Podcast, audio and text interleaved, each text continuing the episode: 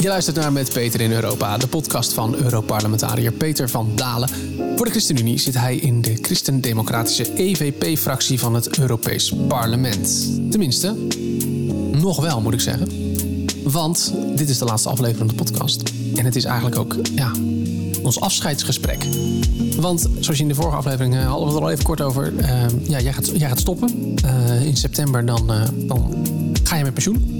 Heel, heel kort voor mensen die het misschien even niet gehoord hebben. Even in herhaling. Waar, waarom stop je? Ja, het is zo zeggen dat ehm, binnen de ChristenUnie mag je drie mandaten een bepaald politiek-bestuurlijk werk doen. Of dat in de gemeenteraad is of in het Europees Parlement. Ik zit nu in mijn derde mandaat. En afgelopen najaar kwam het landelijk bestuur naar mij toe en die zei: Peter, jij zit in je laatste periode. En we zouden graag je opvolster, dus mevrouw Anja Haga, gelegenheid geven om zich in te werken. Zodat ze met de nodige ervaring en kennis ook die uh, Europese verkiezingscampagne kan gaan doen. Nou zeg, die vraag snapte ik helemaal. Ik vond hem ook volstrekt redelijk en, en goed. En ik heb gezegd, kon amore, helemaal akkoord. Geen dwang, geen drang. Uh, ja, ik heb wel gezegd, neem mijn team over. Ik heb ervaren mensen. Uh, en nou, dat is, gaat allemaal gebeuren.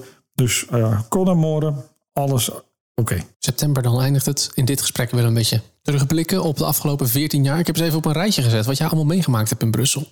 Al even een paar hoogtepunten. Heb ik even een paar dingen uitgepikt. Het zijn niet altijd allemaal hoogtepunten. Het zijn ook wel dieptepunten. Maar in 2012 kreeg de EU de Nobelprijs voor de Vrede. In 2015 werd het klimaatakkoord van Parijs gesloten. In 2016 waren er aanslagen in Brussel, waaronder aan de rand van de Europese wijk. Uh, ook in 2016, uh, maar dat liep door tot aan 2020 en de gevolgen zijn nog steeds merkbaar. De Brexit. Uh, in 2020 natuurlijk ook de coronacrisis. In 2022 de Russische inval in Oekraïne. Zomaar een paar van de grote dingen die je meegemaakt hebt in Brussel. Hoe ver beïnvloeden dit soort grote gebeurtenissen jouw dagelijkse werk? Ja, dit is natuurlijk iets wat je voortdurend uh, in je werk meeneemt. Om er één uit te pikken, je noemde de Brexit. Jaren ben ik lid geweest van de fractie ECR, European Conservatives and Reformists. En daarin waren de Britten uh, het motorblok. Die hebben die fractie opgericht. Die hebben ook uh, in die fractie voortdurend de voornaamste rol gespeeld en genomen.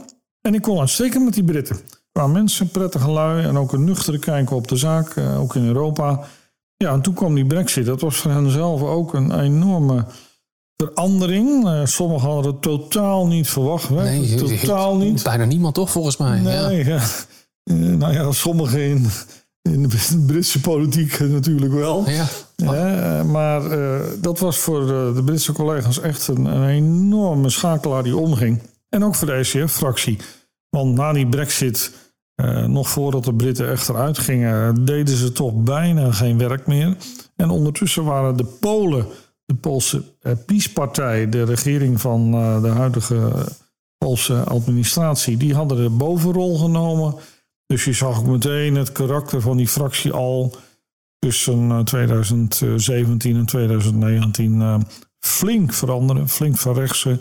Die Britten deden niet meer mee. Dus dat heb ik persoonlijk dus dus een vraag, heb je nou persoonlijk meegemaakt? Heel veel dingen. Maar ook dus dit, de brexit, heeft ook mijn werk uh, enorm uh, beïnvloed. Nou, nou, nogal, want dan komen we gelijk even bij een van de eerste punten die, die, die ik wilde bespreken. Inderdaad. Uh, je bent uiteindelijk ben je, uit die fractie gestapt. Ja, je bent overgestapt naar de EVP-fractie. Ja, dat klopt. Het was zo dat die Britten deden dus de laatste jaren voor hun echte vertrek nauwelijks nog hun werk. Ze waren helemaal lam geslagen. Polen namen daar de hoofdrol in deze fractie. En wij hadden in um, februari 2019, dus dus een aantal maanden voor de toenmalige Europese verkiezingen, hadden wij fractiedagen in Parijs. Ik naar Parijs en ik kom daar in, dat, uh, in die zaal waar die eh, bijeenkomst was. En daar staat de Poolse uh, leider, meneer uh, Legutko, op het podium. En wie staat er naast hem? Meneer Thierry Baudet. Dan dacht ik, wat krijgen we nou? Nou, toen begon meneer Legutko uitgebreid Baudet te prijzen. En fijn dat je hier bent. En na de verkiezingen dan kom je toch bij ons in de fractie. We verwelkomen je met open armen. Nou, ik viel van mijn stoel. Dus ik ben daarna naar eh, Legutko gelopen en ik ben ontploft van woede. Ik zeg, wat jij hier doet, maat, jij pakt mij nu. Want als uit eenzelfde lidstaat een nieuwe politieke vertegenwoordiger zou willen toetreden tot de fractie, dan moet de zittende parlementariër dat goedkeuren. Zeg, je bent niet bij mij geweest, je, Oh, bent niet ja. gebeld, je hebt niet met mij gesproken, je hebt me gepakt. Nou, toen waren inderdaad die verkiezingen en eh, Forum kwam erin. En ehm, nou, wat gebeurde er toen? Ehm, toen wilde men bij acclamatie de mensen van Forum welkom heten. Ik zeg niks ervan, ik wil een stemming hebben. Oh, stemming, dus toch duidelijk, meneer Van Dalen, zei Le Goedkoop. Nee, ik wil stemming. Nou, toen stemde ik tegen de toetreding en ook eh, iemand van de, de NVA, dat is een Belgische partij die er toen ook bij zat. Nou ja, de rest stemde voor. Dus eh, ik ben toen, eh, ik heb mijn koffer gepakt en ik ben de zaal uitgelopen. En eh, zo ben ik vertrokken bij die fractie. En heb ik inderdaad, en we ook met onze partijbestuur natuurlijk, hebben we gesprekken gevoerd met CDA. Nou, die heette ons hartelijk welkom. Ja. En ik ben toen in de EVP-fractie gekomen. En dat is tot op de dag van vandaag denk ik een hele goede keus geweest. Ook wel een stap die nog wat andere gevolgen had. Want jullie hadden natuurlijk altijd een lijstverbinding met de SGP. eh, voor de Europese verkiezingen. SGP is eh, wel in de ECR-fractie gebleven. Ja, wij hadden zelfs een gezamenlijke Een lijst. gezamenlijke lijst, hè? Ja, eh, nog- waarbij nog- om en om kandidaten van de partijen in een bepaalde volgorde op die lijst stonden. En die- bij die gesprekken met het CDA, daar heeft ook de SGP nog wel bij gezeten in het begin. Maar op een gegeven moment ja, vonden ze dat toch een stap te ver. Ehm, en uiteindelijk eh, heeft dat geresulteerd in dat, je zei het juist, de SGP bij de ECF-fractie bleef. En het was natuurlijk niet alleen Forum. Wij wisten dat bij die verkiezingen daarna ook het Spaanse Vox bij de ECR zou komen. Ja. Nou, de Spaanse Vox is een partij die eh, nog elk jaar een fakkeloptocht houdt voor eh, generalissimo Franco. En de Zweden-Democraten die zouden ook flink in die nieuwe fractie van de ECR toetreden. Dus het was een complete verrechtsing die bij die ECR eh, optrad. Met het vertrek van de Britten daar nog eens bij. ja. Dus ik, ik ben blij dat ik bij de EVP ben gekomen. Andere dingen die gespeeld hebben in jouw eh, periode. Je bent natuurlijk, eh dat hebben we in de podcast ook vaak over gehad. Je hebt je heel veel ingezet voor de visserij. Vicevoorzitter van de visserijcommissie, als ik het goed heb. Ja, dat klopt. En dat is ook weer door de EVP. Kijk, dat is toch wel een vrij centrale plek in het hele Europese parlement. Dat je daar vicevoorzitter van de visserijcommissie kan worden. Maar dat kan alleen maar met volle steun vanuit je eigen fractie. En ik moet zeggen, de collega's Esther de Lange, CDA en Annie Schreier-Pierik, CDA... hebben daar geweldig hun best voor gedaan om mij op die plek te krijgen. Daar bedank ik ze ook nog hartelijk voor bij deze. heb ik al gedaan, hoor, maar nu nog even voor de microfoon.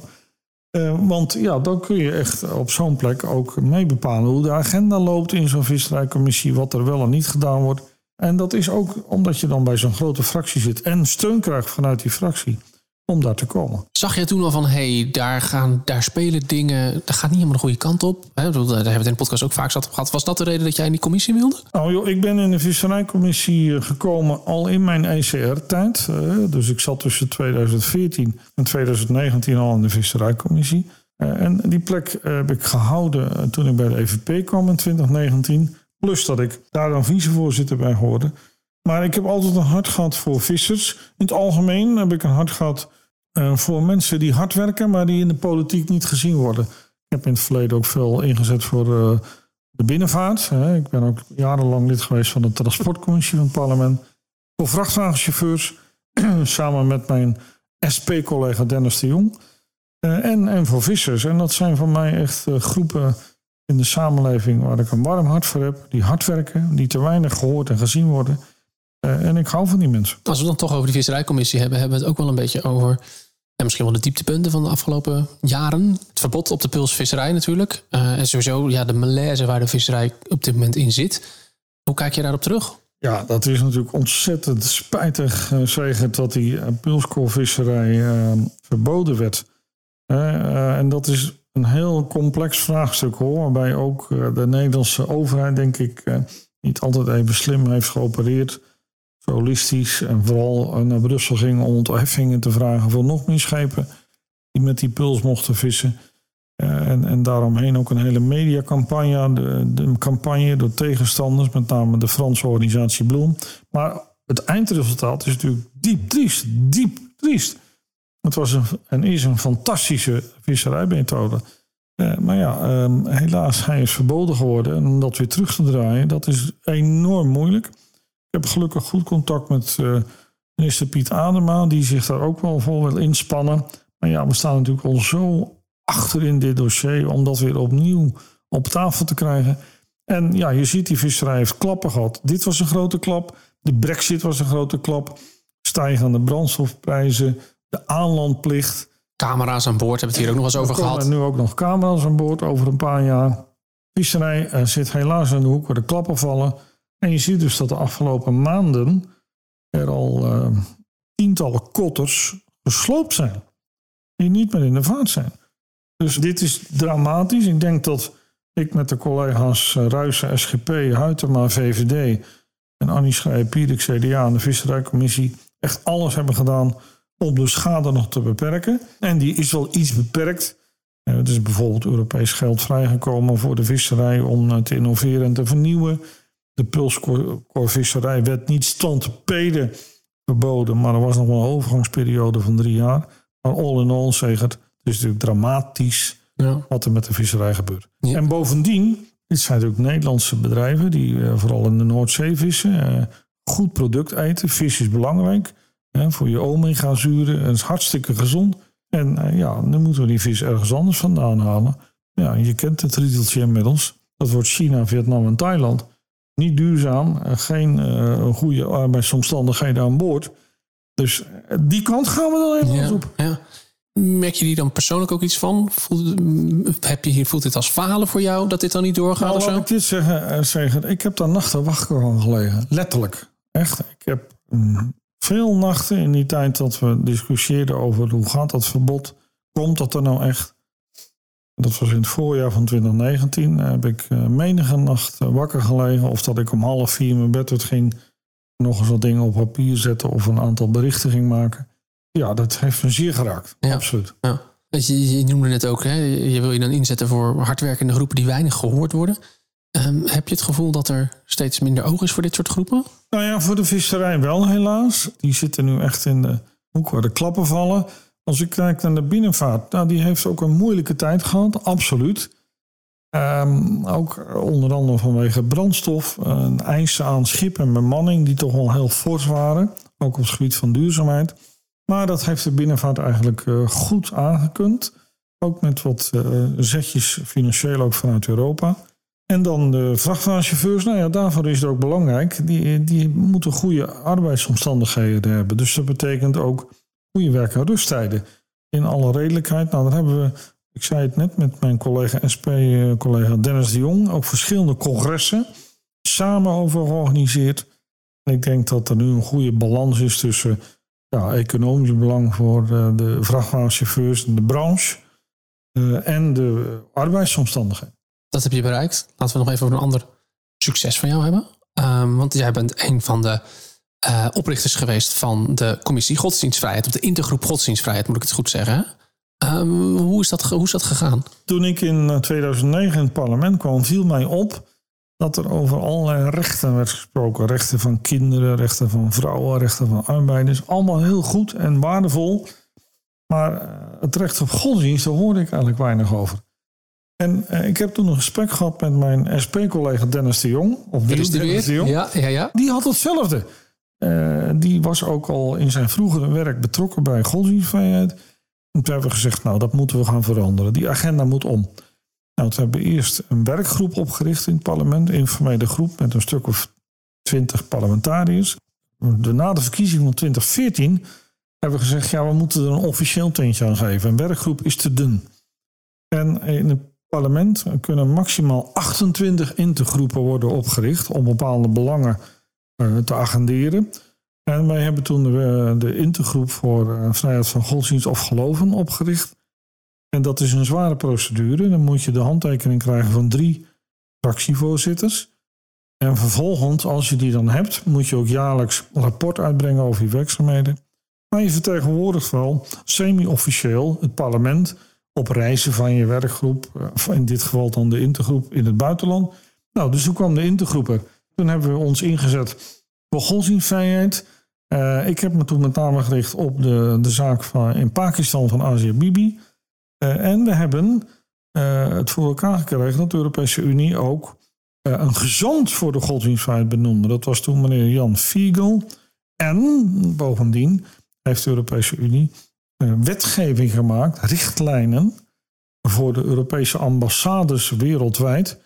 Hoe ze om moeten gaan met godsdienstvrijheid, hoe ze vervolgde mensen kunnen steunen. Dat kan bijvoorbeeld juridisch of, en of financieel of met consulaire bijstand.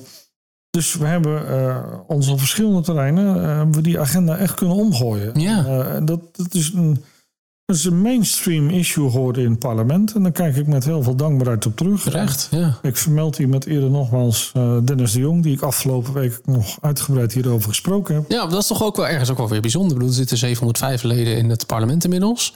Uh, nou, dat fluctueert, heeft, heeft wat gefluctueerd in de, in de 14 jaar dat jij er gezeten hebt. Maar laten we die 700 eventjes als soort benchmark noemen.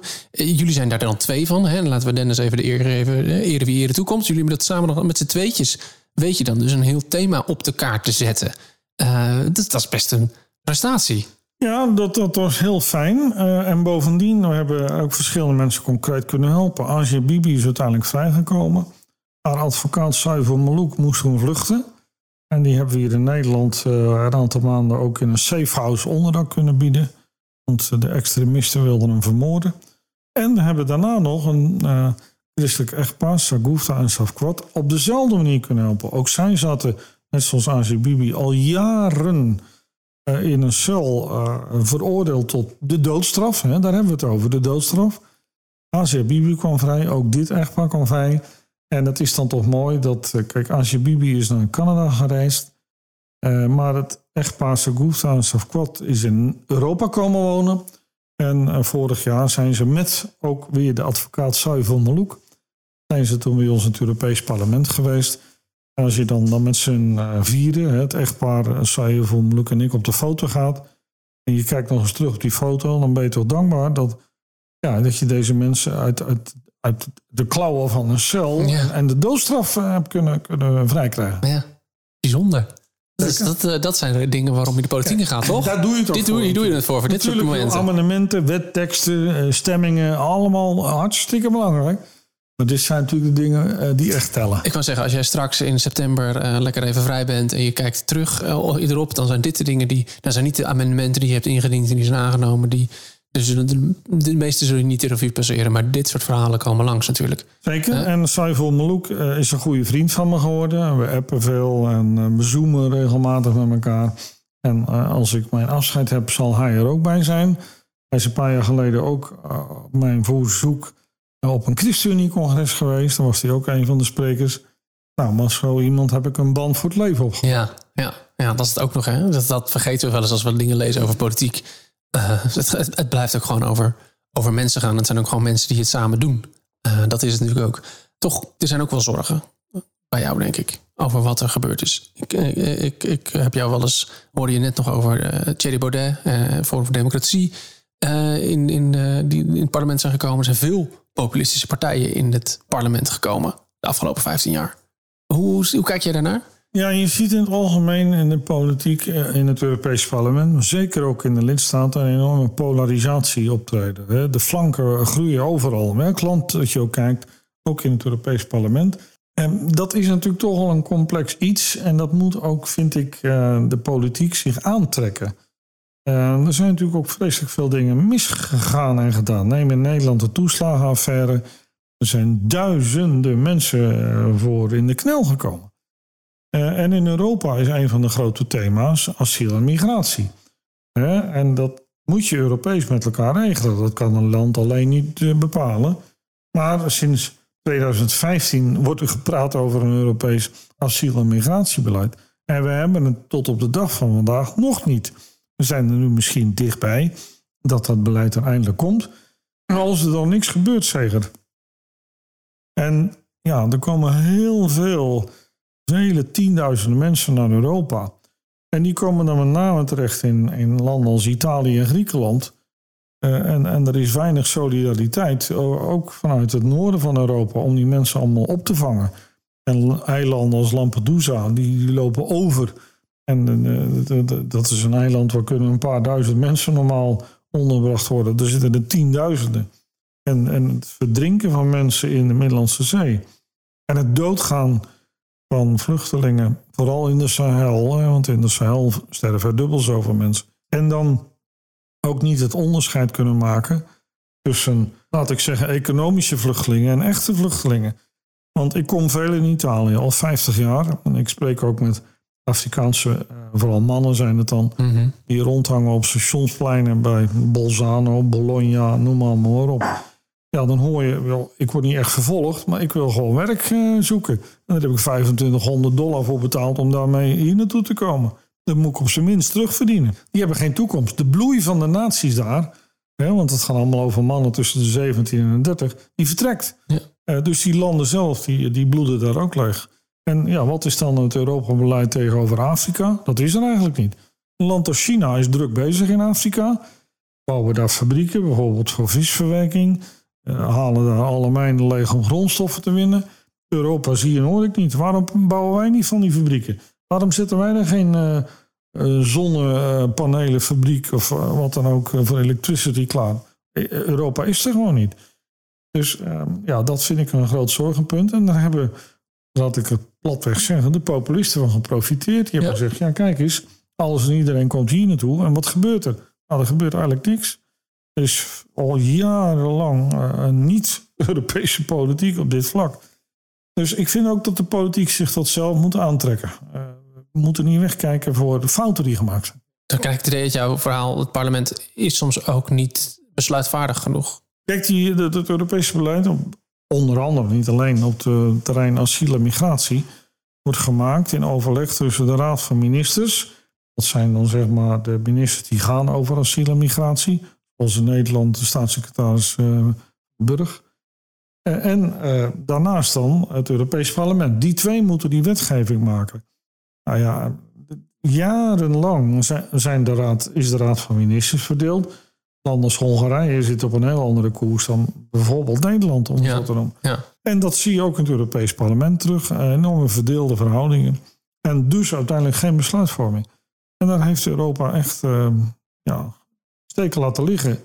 En dan krijg je dit soort reacties, ook vanuit populistische hoek. Dat zien we ook in Nederland gebeuren. Mhm. Precies hetzelfde. Versterkt misschien nog met de hele discussie over corona en, en wat er allemaal bij is komen kijken. Ehm, nou ja, ik vind ook dat de politiek moet ook in de spiegel kijken. Het zijn niet alleen maar die rotpopulisten. Hè, natuurlijk. Nou, het, komt er, het is een reactie ergens op. Voilà. Die opkomst is een reactie Voilà. op, op, eh, op wat er al jaren Ah. eh, gebeurd is. Of, of misschien juist wel niet, niet gebeurd is in dit geval. Ehm, ander thema, nou ja, dat heeft een beetje, het linkt een beetje aan die godsdienstvrijheid. Hoe, kan, hoe, hoe denk je dat, de, dat er binnen de, de Europese Unie, binnen het Europees Parlement aangekeken, verder wordt, aangekeken wordt tegen gelovigen? Is dat veranderd in die afgelopen 15 jaar? Ja, je zegt godsdienstvrijheid is op de agenda gekomen, maar verder? Nou ja, dat vind ik wel een zegen om te tellen. Uh, godsdienstvrijheid is nadrukkelijk nu een issue op de agenda. Uh, en we hebben ook een Europese gezant voor de godsdienstvrijheid. Je ziet ook dat in heel wat landen, ook in Nederland, er ook zo'n gezant is gekomen. Sinds ongeveer 2016 hebben nu zo'n tien lidstaten ook zo'n speciale gezant. Dus dat staat echt wel op de rol. Ja, wat mij opvalt, ik ben uh, veel over de wereld op reis geweest uh, voor mijn werk dat in heel veel landen en heel veel mensen die je spreekt, geloven echt een integraal onderdeel is van hun zijn, van hun Ja. DNA. Ja. Eh, nou, dat is binnen het Europees Parlement echt onderbelicht. Dat wordt weinig gezien of er wordt, het wordt genegeerd. Maar eh, de overtuigingen die bij veel mensen leven in de wereld, eh, van welke oriëntatie dan ook, hè, eh, daar wordt in het parlement eh, al snel overheen gekeken. Het parlement gaat dan toch praten over ja, in het algemeen mensenrechten of LGBTIQ-rechten. Dat is wel een heel groot thema. Maar het, het, DNA van mensen, hun geloven, nou, dat wordt eigenlijk eh, ook in de buitenlandpolitiek van de Europese Unie gepasseerd. Is er dan te veel aandacht voor inderdaad de LHBTI-agenda, misschien eh, abortus, eh, dat soort thema's, terwijl Europa daar niet per se over gaat, toch? Volgens mij over dit soort thema's. Dat is, dat is Ja, aan de lidstaten, is- toch? Dat is gemengd hoor. Dat, dat, dat- kijk, bij abortus en euthanasie is dat duidelijk. Daar gaat Europa niet over. Dat is ook standaard het antwoord wat de Europese Commissie geeft als dit toch weer op de rol komt. Dat ligt denk ik bij mensenrechten en zoiets als LGBTIQ iets anders. Ehm, maar wat je in het algemeen ziet is dat eh, dan snap ik ook alweer met een heel westerse blik er in de rest van de wereld wordt gekeken. En dat zo'n aspect, met name op het gebied van geloven, wat voor uh, vele miljoenen op deze aarde echt essentieel is in hun bestaan, in hun kijk op de dingen, dat wordt dan toch uh, vergeten. Ja, ja, daar zijn we in, in Westen toch te atheïstisch voor geworden. Gro groot, uh, grote lijnen gezien. Ja, ja, ja. En is dan te veel Jij noemde, ik noemde even de abortus, euthanasie. Dat komt dan op een manier toch weer op de agenda. Is dat ook iets van de laatste jaren? Nou, dat is eigenlijk al zolang ik in het parlement zit... dat dat door bepaalde links- of links-liberale partijen... ik noem je toch D66 ook... Expliciet en voortdurend aan de orde werd gesteld. En wordt gesteld. En inmiddels ook vertaald wordt als abortus rechts. Uh, en met allerlei moties wordt dat ook een amendement... Uh, steeds aan de orde gesteld. Van dit moeten we als Europa uitdragen. Maar de Europese Commissie zegt dan toch standaard: ja, hoor eens, uh, dat is gezondheidszorg. Zijn thema's waar de lidstaten zelf over gaan en niet Europa. Tegelijkertijd zie ik wel dat uh, ik hoor bijvoorbeeld bij toetredingsonderhandelingen, ik, ik spreek mensen uit Noord-Macedonië nog alles bijvoorbeeld, dat er toch ook wel aan tafel dan wordt gezegd van uh, hey, hoe is het met jullie abortusbeleid? Dus het ja, is niet een, een, keihard vereiste dat dat moet veranderen, maar het, het, wordt ook niet verzwegen. Nee, nee. Dus het is een beetje een grijs gebied. Het is een grijs gebied aan het worden. Ja. Hoe zie je dat ontwikkelen, denk je dat? Ook dat is een vorm van, uh, laat ik zeggen, met de westerse bril naar de wereld kijken. Dat ook bij die nieuwe toetreders dat soort onderwerpen er echt wel aangesneden worden. Ja. En uh, dat ligt bij sommige landen natuurlijk uh, verschrikkelijk gevoelig. Trouwens ook binnen de Europese Unie. Uh, ja. in, in, Malta heeft men een, een zeer streng abortusbeleid. Geheel terecht wat mij betreft. Nou, dat wordt regelmatig door de linkse fracties op de korrel genomen. Van dat niet, zo moet het absoluut niet. En toen mijn EVP-collega Roberta Mensela aan voorzitter van het parlement... is ze ook in de hoorzittingen die daaraan vooraf gingen aan die benoeming... ook op dit thema uitgebreid doorgezaagd. Ja. Want ze moest daar wel de goede dingen zeggen. Ja, ja, ja, dat is toch weer die westerse bril die dan, die dan opgezet wordt. Dan komen we langzaamaan een beetje bij de toekomst. Nou ja, jij bent straks, hè, jij gaat lekker met pensioen. Je gaat, wat ga je doen eigenlijk? Nou joh, ik ga in ieder geval eens weer mijn tijd en energie besteden aan mijn gezin, familie, vrienden, bekenden. In, als je op zo'n manier bezig bent in de Europese politiek, dan Helaas gaat je sociale netwerk dan toch achteruit. En dat, dat is jammer, dat, dat is een gegeven. Dat ga ik echt, uh, dat ga ik echt bijwerken. Uh, en het komend half jaar doe ik niks. Er zijn al sommigen die uh, hebben gezegd: joh, Peter, je niet dit of Peter, zou... ik heb nee, ik doe niks. Ik wil eerst eens even vooral energie steken in mijn persoonlijke omgeving. En als er dan weer wat zou komen, dan is dat iets voor volgend voorjaar of zo. Maar nu absoluut. Dan gaan we even naar de toekomst van de ChristenUnie. Zonder jou. Nou ja, ik, ik heb het gevoel dat je ergens, ergens linksom, rechtsom zul je toch ergens ooit eens een keer, vermoed ik, uh, toch, toch ergens weer op, opduiken, denk ik. Uh, hoef je geen antwoord op te geven. Dat mag je zelf besluiten natuurlijk. Um, wat 14 mm, jaar Europees Parlement, dat houdt voor jou op. Wil je iets meegeven aan de partij? Ja, ik zou de partij vooral willen meegeven om uh, een voluit bijbels geluid te laten horen. Blijf dicht bij die bron. Dat is echt de kern van ons politieke werk. Uh, en let erop dat je niet te veel je laat meeslepen door moderne trends en ontwikkelingen. Met een oude wetswoord heet dat wereldgelijkvormig worden. Wees daar aan let op. Ik zeg niet dat dat allemaal 1, 2, 3 gebeurt. Maar ik vind het absoluut een aandachtspunt om erop te wijzen dat we hebben een heel belangrijke en essentiële bron in ons persoonlijke leven en ook in de partij. En ik vind het van groot belang dat die bron ook steeds weer opnieuw op tafel komt. Bij alles wat we doen. Hè?